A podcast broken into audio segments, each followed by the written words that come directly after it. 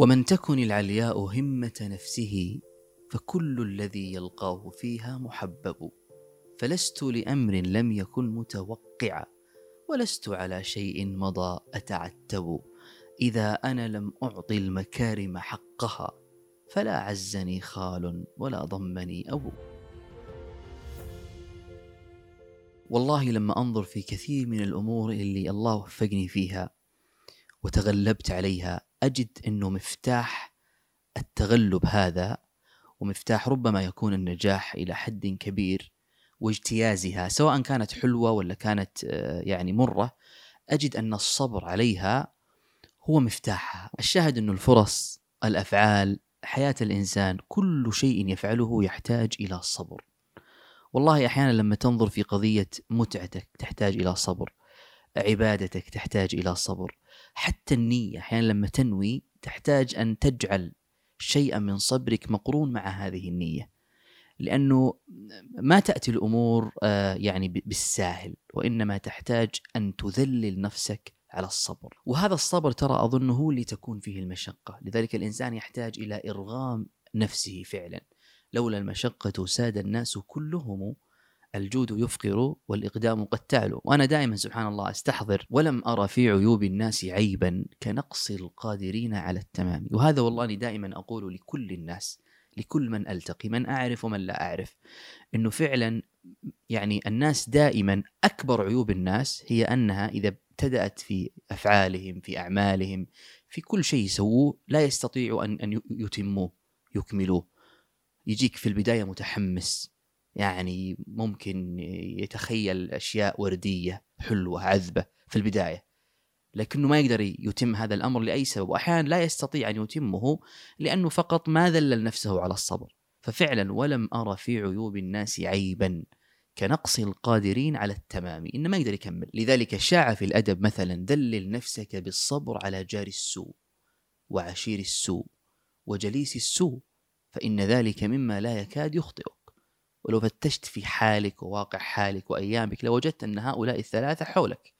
جار السوء وعشير السوء وجليس السوء. فمن يذلل نفسه بالصبر عليهم يكاد أنه يتجاوزهم. واعلم أن الصبر صبران. صبر المرء على ما يكره. هذه واضحة. أن الإنسان يصبر على المشقة يصبر على الصعاب يصبر على كل شيء يعني يواجهه في حياته. وصبره عما يحب. أنه إذا أحب شيئا وتاقت نفسه إليه يصبر كذلك على هذا الشيء الذي يحبه واحيانا حتى ينال ما يحبه. وأظن أنا إنه من معاني الصبر التي آه، نحتاج أن نتشربها خاصة في زماننا وأيامنا هذه هو الصبر النفس وليس صبر الجسد. واعلم أن اللئام أصبر أجسادا وأن الكرام أصبرهم نفوسا. فعلا تجد دائما نفس الكريم آه، تجد دائما الصابر هو صابر في نفسه وبنفسه وليس صابر بجسده يعني. وإنما نفسه أحيانا يعني الداخل يغلب الخارج فإن كنت من الداخل صابر تجد أصلا هذا تلقائي يجعلك حتى من الخارج في جسدك ويعني قوتك صابرا. وليس الصبر الممدوح بأن يكون جلد الرجل وقاحا على الضرب.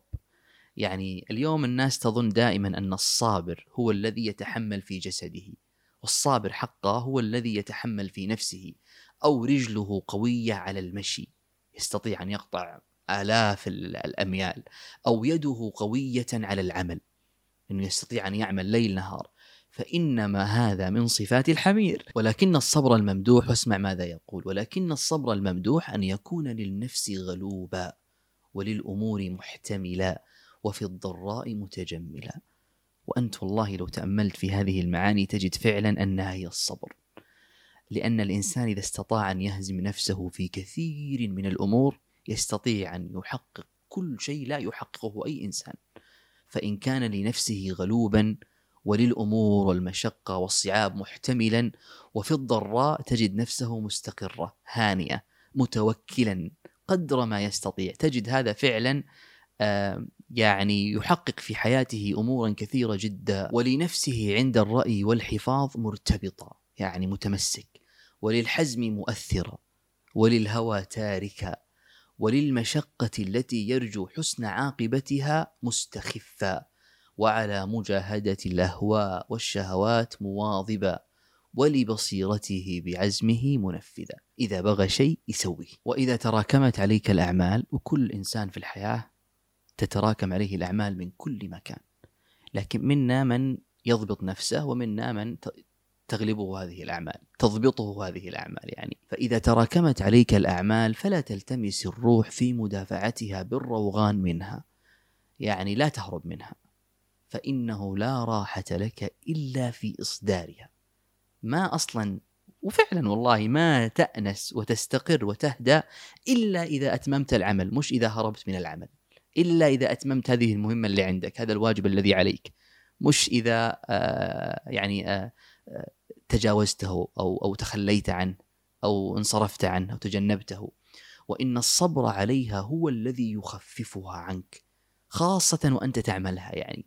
والضجر هو الذي يراكمها عليك. فتعهد من ذلك في نفسك خصلة والخصلة تكون أحيانا خصلة في الفضيلة وربما تكون كذلك خصلة في الرذيلة. يقول فتعهد من ذلك في نفسك خصلة قد رأيتها تعتري بعض أصحاب الأعمال يعني بعض الناس اللي عندهم مثلنا اليوم كثير من الأعمال يعني. وذلك أن الرجل يكون في أمر من أمره يكون عنده شغل يعني. فيرد عليه شغل آخر طبيعي مثل ما قلت لك تتراكم علينا الأعمال. أو يأتيه شاغل من الناس. أحيانا يعني أحيانا قد يقطعك من أعمالك ومشاغلك شغل آخر وربما قد يقطعك واحد من الناس. وهذه المشاغل أو هذه الأمور التي قطعت عليه أعماله تكره إتيانه فيكدر ذلك بنفسه تكديرا يفسد ما كان فيه وما ورد عليه. فلما تنقطع أعماله أحيانا سواء لشغل يعني آه، قطعه عرض عليه في شغله أو سواء ل يعني آه، ضيف زاره من الناس تكدر عليه يعني آه، ما عاد تستوي أموره حتى لا يحكم واحدا منها. يعني كل اعماله التي كان يشتغل عليها تفلت من يده. ثم يقول فإذا ورد عليك مثل ذلك. يعني مثل هذه المشاغل التي يعني جاءت فوق بعضها. فإذا ورد عليك مثل ذلك فليكن معك رأيك وعقلك اللذان بهما تختار الأمور. يعني قصده أن الإنسان أحيانا آه، يقدر برجاحة عقله أي الأمور أهم. ثم اختر اولى الأمرين بشغلك. وش الأهم من هذه الأشغال يعني؟ فاشتغل به حتى تفرغ منه. ولا يعظمن عليك فوت ما فات وتأخير ما تأخر إذا أعلمت الرأي معمله. وأحيانا فعلا تجد إنه في بعض الأمور بالتأخير بالتأجيل تتم أفضل من العجلة. وتجد بعض الأمور والإنسان دائما يقدر هذه الأعمال. يجد بعض الأمور إنه لا تتم في وقتها. أفضل من أنها لو تأخرت. وجعلت شغلك في حقه واجعل لنفسك في كل شغل غاية ترجو القوة والتمام عليها. وأنت لو نظرت وجدت فعلا إنه كل الأعمال التي نقوم بها ونفعلها أو ننوي على فعلها هي تحتاج إلى أمرين. تحتاج إلى الصبر. الصبر مقرون بها لا ينفك عنها. وتحتاج كذلك إلى الغاية منها. ما الغاية منها؟ لكن الصبر والغاية أحيانا هما بحاجة إلى وقت. والوقت هذا آه، قصة أخرى لعلنا نفرد له أمسية خاصة إن شاء الله.